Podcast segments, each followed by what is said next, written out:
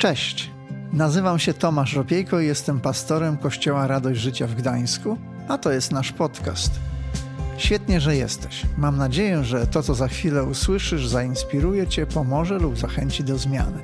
Przejdźmy do dzisiejszego odcinka.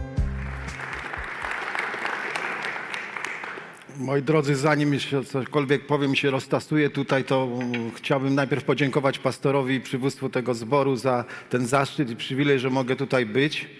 Nie jestem tutaj pierwszy raz, ale tutaj byłem pierwszy raz w ewangelicznym zborze. Przez te drzwi, kiedy przeszedłem, to był dzień niesamowity, niezwykły dzień w moim życiu, dlatego że tutaj usłyszałem pierwsze kazanie przez pastora Jana Krause wygłoszone w ten sposób, że mnie to tak dotknęło, że wiedziałem, że muszę być tu każdą niedzielę.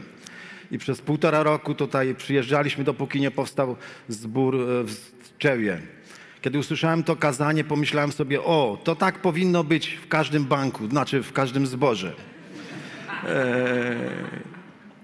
Człowiek mówi, ja go rozumiem. On, to, to, co to było za kazanie? Nie pamiętam, co mówił, ale pamiętam, jak mówił. To było całe serce tam podane, całe, całe, całe życie e, włożone i pomyślałem sobie, chcę tutaj być i nie usłyszę tego słowa w żaden inny sposób zwiastowane w, ten, w, te, w tej mierze, jak tutaj, w tym miejscu. Także tutaj to miejsce, ta, ta, ta kaplica, to, to, to pomieszczenie jest dla mnie szczególnie cenne. Wiem, że już nie tutaj mija czas powoli waszego bycia, ale jeszcze zdążyłem. E, pozwólcie, że teraz się tutaj tylko roztasuję. Momencik.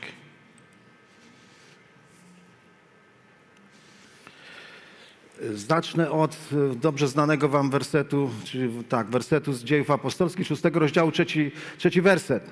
Tam czytamy o takiej sytuacji, kontekst, żeby naszkicować, jest taki, że pojawił się pewien problem w zborze. U was problemy się pojawiają? Nie, tak myślałem. E, Zaniedbywano wdowy z pochodzenia greckiego i tak dalej. Apostołowie wtedy postanowili to rozwiązać i y, część tego rozwiązania jest w tym wersecie. Upatrzcie tedy, bracia, powiadają tutaj apostołowie spośród siebie siedmiu mężów, cieszących się zaufaniem, pełnych Ducha Świętego i mądrości, a ustanowimy ich, aby zajęli się tą sprawą.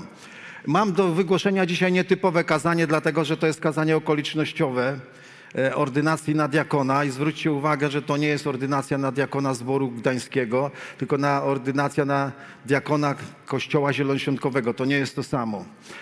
Może wiecie, może nie wiecie, ale Kościół Zielonoświątkowy jest wspólnotą autonomicznych zborów, które z powodów doktrynalnych i tego, żeby lepiej wprowadzić współpracę, e, powiązały się w taką unię, jaką właśnie Kościół jest. I część przywódców tych, tych y, zborów, aby ułatwić współpracę między nimi, zostaje ustanowiona jako duchowni. Oni są do, powołani do współpracy ze sobą, czy między sobą, spotykają się na synodzie, spotykają się na e, zgromadzeniach okręgowych, w dekanatach i tak dalej. Wspólnie biorą odpowiedzialność za cały kraj e, pod przewodnictwem biskupa i prezbiterów okręgowych, którzy tworzą e, Naczelną Radę Kościoła.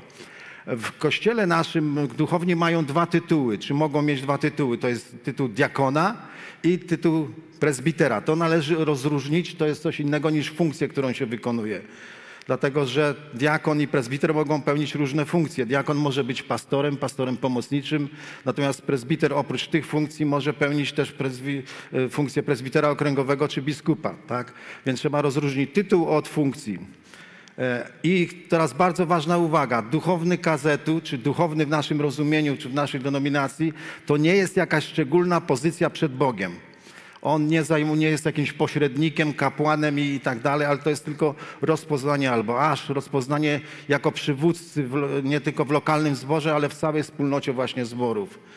Dzielenie ludzi na duchownych i świeckich jest, jak domyślacie się, niebiblijne.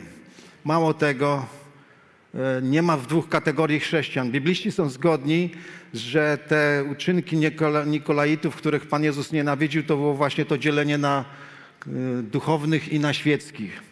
Na swoją obronę masz to, mówi Jezus w Księdze Objawienia, w drugim rozdziale, szóstym wersecie, to, że nienawidzisz uczynków Nikolaitów, których ja też nienawidzę. Pastor nie ma szczególnej pozycji przed Bogiem. Oczywiście tego nie wiedzieli. Na pewno nie ma uprzywilejowanej pozycji, wręcz odwrotnie. Ma, chciałem powiedzieć, przerąbane. Powiedziałem to w końcu. Nie, niewielu z was zostaje nauczycielami, mówiąc już poważnie, bracia moi, gdyż wierzcie, że otrzymacie łagodniejszy wyrok. Tak? Nie. Surowszy wyrok. My będziemy inną miarą mierzeni, surowszą, bardziej wymagającą. Ale mówiąc najprościej, diakon Kościoła Zielonoświątkowego to powołanie do pracy szerszej niż w jednym zborze, co u Michała nie, nie, nie jest tak trudno zauważyć. E, jest to też większe zobowiązanie, ale też i większy autorytet. Powiem wam coś o autorytecie. Kiedyś do mnie przyszedł człowiek, który prosił, powiedział, pastorze, proszę, chciałbym się ochrzcić, czy żebyś mnie ochrzcił, ale nie chcę być członkiem zboru i tak dalej, więc zaczęliśmy jakąś rozmowę tam prowadzić e, i pyta, zapytałem go w pewnym momencie, a właściwie dlaczego w ogóle do mnie przychodzisz? Dlaczego nie dasz komuś 10 zł na dworcu i niech cię ochrzci? No jaka jest odpowiedź? Na różne sposoby można tej odpowiedzi udzielić, ale jest coś takiego, że zbór ma autorytet. Pastor ma pewien autorytet, dlatego ten człowiek przyszedł, żeby ten autorytet, czy pod tym autorytetem został ochrzczony, czy, czy z powodu tego autorytetu. I podobnie grupa zborów, cała denominacja ma swój autorytet większy może niż pojedynczy zbór. No, w Nowym Testamencie zbory są autonomiczne, ale mogą się łączyć na różne sposoby, nie ma żadnej doktryny na ten temat. Y, co mógł Jezus mieć na myśli, jeśli nie to, że jest szczególny rodzaj autorytetów wśród wierzących, autorytet zboru czy całej grupy zborów, kiedy mówił, zaprawdę powiadam wam, cokolwiek byście związali na ziemi, będzie związane w niebie i cokolwiek byście rozwiązali na ziemi, będzie rozwiązane w niebie. Bez względu na to, co, co to oznacza, mówi to, to Słowo Boże o pewnego rodzaju autorytecie, jakkolwiek byśmy to nie rozumieli. I to nie jest autorytet, który wynika ze struktury organizacyjnej, ale z obecności Ducha Świętego, żywotności zboru czy zborów. E, na autorytet od jednej strony składają się dwa czynniki. To jest duchowa żywotność, czyli obecność Boża, na ile ona jest wyczuwalna, czy e, przejawiająca się w jakiś sposób, i liczba osób, których, których to dotyczy. E, liczba osób ma tylko znaczenie jako odzwierciedlenie tej żywotności. Ile osób doświadcza przemiany? W dziejach apostolskich jeżeli zauważycie, narracja jest tego typu, że mnóstwo ludzi się nawróciło, mnóstwo kapłanów przyszło i tak dalej, czyli ilość osób miała znaczenie, ale nie ilość jaka sama z siebie, tylko ile osób zostało dotkniętych i przemienionych. Jak silne to działanie Boże jest, jaki autorytet się przejawia. A więc nie sama liczba, ale liczba tych, którzy prze, doznali e, działania Bożego, zostali przemienieni. Znowu Jezus powiada na to, Mówię wam, że jeśli by dwaj z was na ziemi uzgodnili prośby swoje o jakąkolwiek rzecz, otrzymają ją od Ojca mojego, który jest w niebie. Albowiem, gdzie są dwaj lub trzej zgromadzeni w imię moje, tam jestem pośród nich. Więc liczba tutaj nie ma aż tak wielkiego znaczenia. Ważne, że to są uczniowie. Tak? Ale jeżeli to są uczniowie, jest ich jeszcze więcej, jest większy autorytet. Odnośnie żywotności i autorytetu zapytam was coś takiego. Co Biblia mówi? Teraz quiz biblijny jest. Co Biblia mówi albo jak Biblia mówi, poznać prawdziwy Kościół, ten, który Pan Jezus założył. Ja się napiję, wy się zastanówcie. To dziwne, ale według mnie na tak postawione pytania nie, pytanie nie ma jednoznacznej czy prostej odpowiedzi. Właściwie dlaczego? To jest dziwne, prawda? E, Moim zdaniem nie ma tej odpowiedzi na to pytanie jednoznacznej czy prostej odpowiedzi w jednym jakby miejscu, dlatego że to pytanie zawiera fałszywe założenie. To znaczy, że Pan Jezus zakładał jakąś instytucję, Kościół rozumiany jako instytucję. A Jezus nie założył żadnego kościoła, który jest instytucją. On zrodził organizm żywy zrodził swój Kościół przez Ducha Świętego. Jeśli mówił, że zbuduje Kościół, to z jakich kamieni go zbuduje? Z żywych kamieni, tak? Tych, które się narodziły na nowo. Kościół powstaje poprzez to, że rodzą się na nowo ludzie z Ducha Bożego. E, oni rodzą się do nowego życia, to życie powstaje, oni tworzą Kościół, czyli Kościół jest zrodzony, można powiedzieć, z Ducha Świętego, jest żywym organizmem. Oczywiście ma swój wewnętrzny porządek, ale jest przede wszystkim tym żywym organizmem. Nie wiem, czy zatknęliście się kiedykolwiek, ludzie tutaj przychodzili, chcieli się do was zapisać? No jak to teraz, co z tym zrobić? Jak, jak im to wytłumaczyć? Jeśli się nie narodzą na nowo, nie zrozumieją tego, więc musicie się najpierw narodzić na nowo, żeby w ogóle w kościele, że tak powiem, się znaleźć. A więc Jezus nie zakładał Kościoła jako organizacji, która musi zachować jakąś instytucjonalną ciągłość. Dlatego jest tylko jedna wskazówka, jak, jak poznać Kościół, czy kiedy mamy z nim do czynienia. Jezus powiada, strzeżcie się fałszywych proroków, którzy przychodzą do was w odzieniu owczym, wewnątrz za są wilkami drapieżnymi. Po owocach ich poznacie, czyli po oznakach życia. Nie po niczym innym. Jezus nie powiedział, czy nie powołał też jednej organizacji jakiejś z ogólnoświatową centralą w Brooklynie, czy, gdzie, czy w Rzymie, czy gdziekolwiek, czy w Gdańsku, wybaczcie. W Ewangelii Marka mówił Jan do Jezusa, nauczycielu, widzieliśmy kogoś, kto nie chodzi z nami. Jak wypędzał w Twoim imieniu demony i zabranialiśmy mu, bo nie chodził z nami. Ale Jezus rzekł, nie zabraniajcie mu, ponieważ nie ma takiego, kto by dokonywał cudów w moim imieniu i mógł zaraz potem źle o mnie mówić, bo kto nie jest przeciwko nam, ten jest z nami.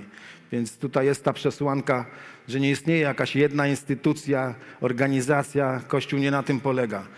Gdyby istotę Kościoła stanowiła organizacyjna ciągłość jakaś tego typu, to gdyby to decydowało o Kościele, to żadna ilość przestępstw, zbrodni, grzechów, które by ten Kościół popełnił, nie zmieniłoby tego, że to jest Kościół Pana Jezusa. To jest niemożliwe. Po owocach ich poznacie. Jest odwrotnie. Właśnie po tym poznacie nie, że mają jakąś ciągłość instytucjonalną, ale czy mają ciągłość, sukcesję wiary i żywotności i jej owoców. Bo często jest taki mniej duchowej żywotności, tym więcej tytułów, tym więcej szat, tym więcej celebry, e, formalizmu i kontroli. Porządek jest potrzebny.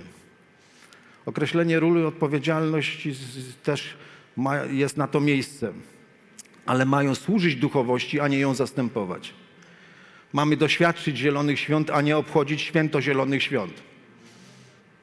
Ewangeliczne chrześcijaństwo z założenia dąży do prostoty i powściągliwości w zewnętrznych wyrazach pobożności. Pan Jezus kiedyś, pamiętacie, powiedział, ani na tej górze, ani w Jerozolimie, ani w Rzymie, ani w Gdańsku, ani, ani w Brooklynie i tak dalej, nie będziecie oddawali czci Ojcu, tylko jak? W duchu i w prawdzie. I my dzisiaj też, moi drodzy, to chcę podkreślić, nie będziemy ustanawiać jakiegoś urzędnika kościelnego, ale rozpoznajemy powołanie od Boga do szerszej pracy niż w jednym zborze. Właśnie. Kościół rozpoznaje i potwierdza już istniejące powołania. Kościół tak naprawdę nikogo nie powołuje. Jedynie rozeznaje to, co Bóg już uczynił, kogo Bóg powołał. Ponieważ tym, który powołuje, jest właśnie Bóg, a nie człowiek. Tak naprawdę, czy tę prawdę, przepraszam, tę prawdę usłyszeli kiedyś uczniowie Jana, którzy byli zazdrośni o swojego nauczyciela, że za Jezusem szło więcej. Wtedy Jan Chrzciciel powiedział, w trzecim rozdziale Ewangelii Jana, 27 wersecie, nie może człowiek niczego wziąć, jeśli nie jest mu to dane z nieba. Nie tylko nikt sam się nie może powołać, zbór nikogo nie może powołać, pastor nie może kogo, nikogo powołać, biskup nie może nikogo powołać. Robi to Bóg i nie pyta nikogo o zdanie. Tak samo jak przy obdarzaniu darami Ducha Świętego czytamy wszystko to zaś sprawia jeden i ten sam duch, rozdzielając każdemu poszczególnie jak chce. Podobnie jest na przykład przy chrzcie wodnym. Kiedy chrzcimy ludzi w wodzie, to nie znaczy, że my przez ten akt zanurzenia zbawiamy kogoś, że ktoś się nawraca przez to, że my go zanurzyliśmy, tylko my rozpoznaliśmy, że on się nawrócił, zrodził się z Ducha Bożego, mamy te wszystkie przesłanki, dlatego go chrzcimy na znak tego.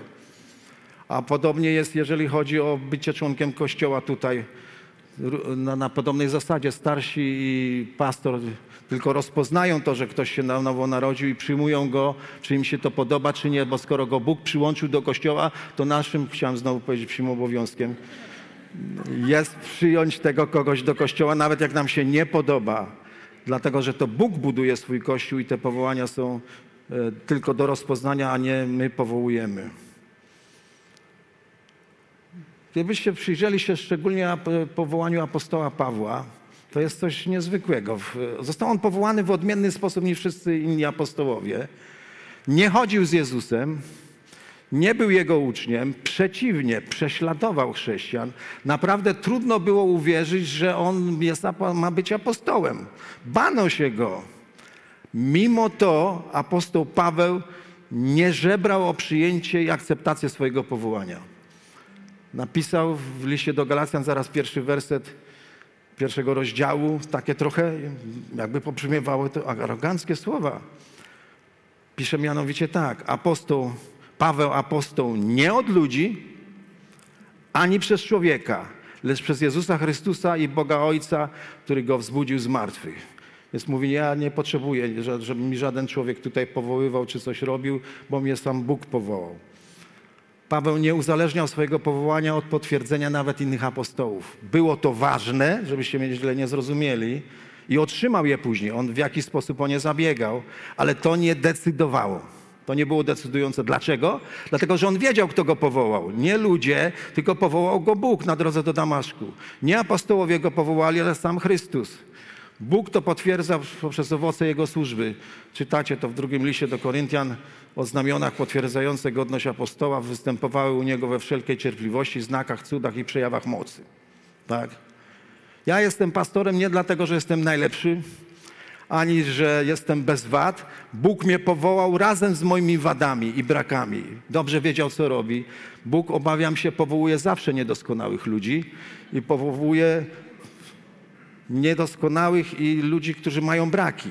Dlatego jeżeli to powołanie od Boga ktoś przyjął, my to rozpoznajemy i w sercu to zaakceptujemy, że to jest od Boga, wtedy będziemy zakrywać te braki, uzupełniać słabości i wzmacniać to powołanie. A nie oczekiwać, że ten ktoś będzie ciągle musiał zasłużyć u nas, że, żeby go respektować, okazać mu szacunek. I to trzeba w sercu swoim rozstrzygnąć. Bóg dzisiaj jest tak samo. To Bóg powołuje Kościół, tylko rozpoznaje, potwierdza to, co już się stało. Upoważnia kogoś, otwiera drzwi, ale też to zobowiązuje, podnosi standardy, tak jak już czytałem ten fragment z Jakuba, z listu Jakuba, że niechaj niewielu chce być nauczycielami, dlatego te standardy będą wyższe. Gdy nałożymy ręce na Michała, to nie będzie roz, sposób rozbudowania instytucji kościelnej, ale wierzymy, że nastąpi udzielenie z Ducha Świętego że przybędzie ci mądrości, autorytetu i mocy. Tak jak to było w pierwszym liście Tomateusza, kiedy apostoł powiada do niego: Nie zaniedbuj daru łaski, który masz, a który został ci udzielony na podstawie prorockiego orzeczenia przez włożenie rąk starszych. Otrzymał jakiś dar łaski przez włożenie rąk. Coś się wydarzyło, tak? E, u nas w zborze, nie wiem jak tu jest w Gdańsku, ale pewnie podobnie, o każdego lidera modlimy się publicznie, udzielamy mu autorytet, oddzielamy go do służby i błogosławimy go. E, I wielokrotnie ja czułem, jak Duch Święty wstępuje na kogoś i daje mu to, czego mu brakowało, pewien autorytet, którego przedtem nie miał. Pewien, pewien, pewien, oczywiście bracia i siostry ten rozpoznają przez ten akt ordynacji też i przyjmują to najczęściej. A jednak z drugiej strony też mamy polecenie, rąk na nikogo pochopnie nie wkładaj. O, dlaczego? Między innymi dlatego, żeby to nie była pusta ceremonia, która nie ma żadnej duchowej rzeczywistości za sobą, tylko organizacyjną. Dlatego jest, mamy też system weryfikacji. Najpierw jest kandydat na diakona, pastor pisze opinię, prezbiter to zatwierdza, prezydium biskup podejmuje decyzję, potem jest rok próby i znowu ta weryfikacja przebiega w ten sposób właśnie po to, żeby się upewnić, że to jest właściwa osoba. Paweł inaczej mówiąc tutaj mówi nie wprowadzaj w powołanie nikogo nie rozróżniając duchowego wymiaru. Nie, nie, nie podchodź do tego lekko.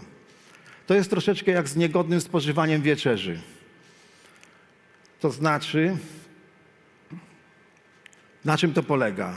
na nierozróżnianiu ciała pańskiego. Jeśli ktoś to robi, to co robi? Sąd własny jej pije. Pierwszy list do Koryntian, 11 rozdział, 29 werset to jest oczywiście. Kto podstawia głowę pod ręce, które będą na niego nałożone, niechaj uważa, żeby rozróżnił tu duchowy aspekt tego i żeby nie podszedł do tego, że to jest tylko jakaś pusta ceremonia, bo to będzie na jego szkodę. Podobnie jak modlitwa o chrzest Duchu Świętym. Nie modlicie się o kogokolwiek o chrzest Duchu Świętym. Upewniacie się najpierw, że to jest wierząca osoba, odrodzona, że zna naukę, jest ugruntowana w Słowie Bożym, ma pragnienie służyć Bogu, że potrzebuje mocy do służby, e, że e, wie o co w ogóle chodzi, ma takie pragnienie. Bo inaczej nie ma sensu się modlić, bo się co? Nic nie wydarzy. Tak? W związku z tym musimy podejść do tego właśnie w ten sposób. Czy podobnie jak była sytuacja siedmiu synów z Ceby, pamiętacie? Oni chcieli też wypędzać demony. I to się źle skończyło, dlatego że nie rozpoznali duchowej rzeczywistości, która była za tym. Nie można sobie podejść, nakładać ręce czy robić coś w kościele od tak sobie, bo mogą być tego skutki odwrotne. Dlatego między wami wielu jest słabych, apostoł Paweł mówi tak, chorujących i tak dalej. Kiedyś pamiętam, obserwowałem tutaj siostrę, jak prowadzi uwielbienie. I kiedy patrzyłem u siebie na siostry, które prowadziły uwielbienie, nagle widzę, że one jakimś takim wzrokiem gdzieś tam po ścianach tego, że czują się niepewnie, że, że jakoś tak troszeczkę jakby przepraszały za to, że to robią, były niepewne, o, to śpiewają, ale nie czuło się tego duchowego autorytetu. Ja mówię, słuchajcie, zawołałem, mówię, Bóg was tu postawił, ja was upoważniam, nałożyłem ręce, pomodliłem się, wy prowadzicie zgromadzenie, macie autorytet nad całym zgromadzeniem, nad pastorem, nad wszystkimi, na tę chwilę, na ten moment, kiedy prowadzicie uwielbienie. I wiecie, że pomogło? No one potem dziękowały, że to bardzo tego potrzebowały, że, żeby się w tym upewnić. Mało tego, kiedy zdarzyło się młoda dziewczyna w, w, szkole podstawowej, panicznie bała się swojego nauczyciela języka angielskiego. Zupełnie to było niezrozumiałe. Nie, nie, niezrozumiałe. Jakiś taki terrorysta był, wiecie, a ona bardzo się bała. I ja to usłyszałem i się mój duch wzburzył i mówię, Martyna, przecież ty jesteś wierzącą osobą, jesteś chrześcijanką, masz autorytet w Panu Jezusie i tak dalej. To było w jakimś kontekście jakiejś rozmowy, żeśmy tam porozmawiali, dalej ja o tym zapomniałem. Za kilka dni do mnie dzwonią jej rodzice, mówią, Janusz, chcieliśmy ci za coś podziękować. Ja mówię, a za co? Martyna zupełnie inaczej funkcjonuje w szkole na lekcjach angielskiego. Mówię, ojej, to ja nawet nie wiedziałem, kiedy to się stało. Podbudziłem jej autorytet, czy nadałem jej pewien autorytet, pewne przesunięcie w duchu nastąpiło. I teraz, kiedy będziemy się modlić tutaj, nakładać ręce na Michała, wierzę, że będzie pewne przesunięcie w Duchu Świętym. Michał, pamiętaj, że jak nałożymy na ciebie ręce, nie ma już odwrotu. Będziesz musiał mi pomagać jako prezbiterowi okręgowemu też. Zbrać ze mną współodpowiedzialność za okręg. I byśmy mieli rozmowy takie serdeczne, ale poważne, prawda? Bo ja nie będę mnożył duchow, duchownych jakichś urzędników, tylko rzeczywiście chcemy Królestwo Boże rozszerzać, za co niech będzie Bogu chwała. Amen. Dzięki, że zostałeś z nami do końca. Pamiętaj, że odcinki pojawiają się w każdy poniedziałek o 18. Jeśli chcesz dowiedzieć się o nas więcej, to wejdź na stronę kazetgdańsk.org. Do usłyszenia.